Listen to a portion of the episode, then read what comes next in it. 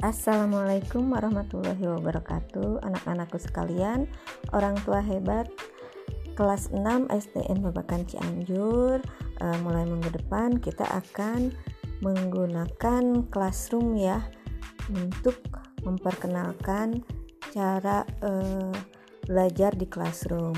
E, Nah jika nanti di SMP kalian tidak asing lagi untuk belajar di classroom.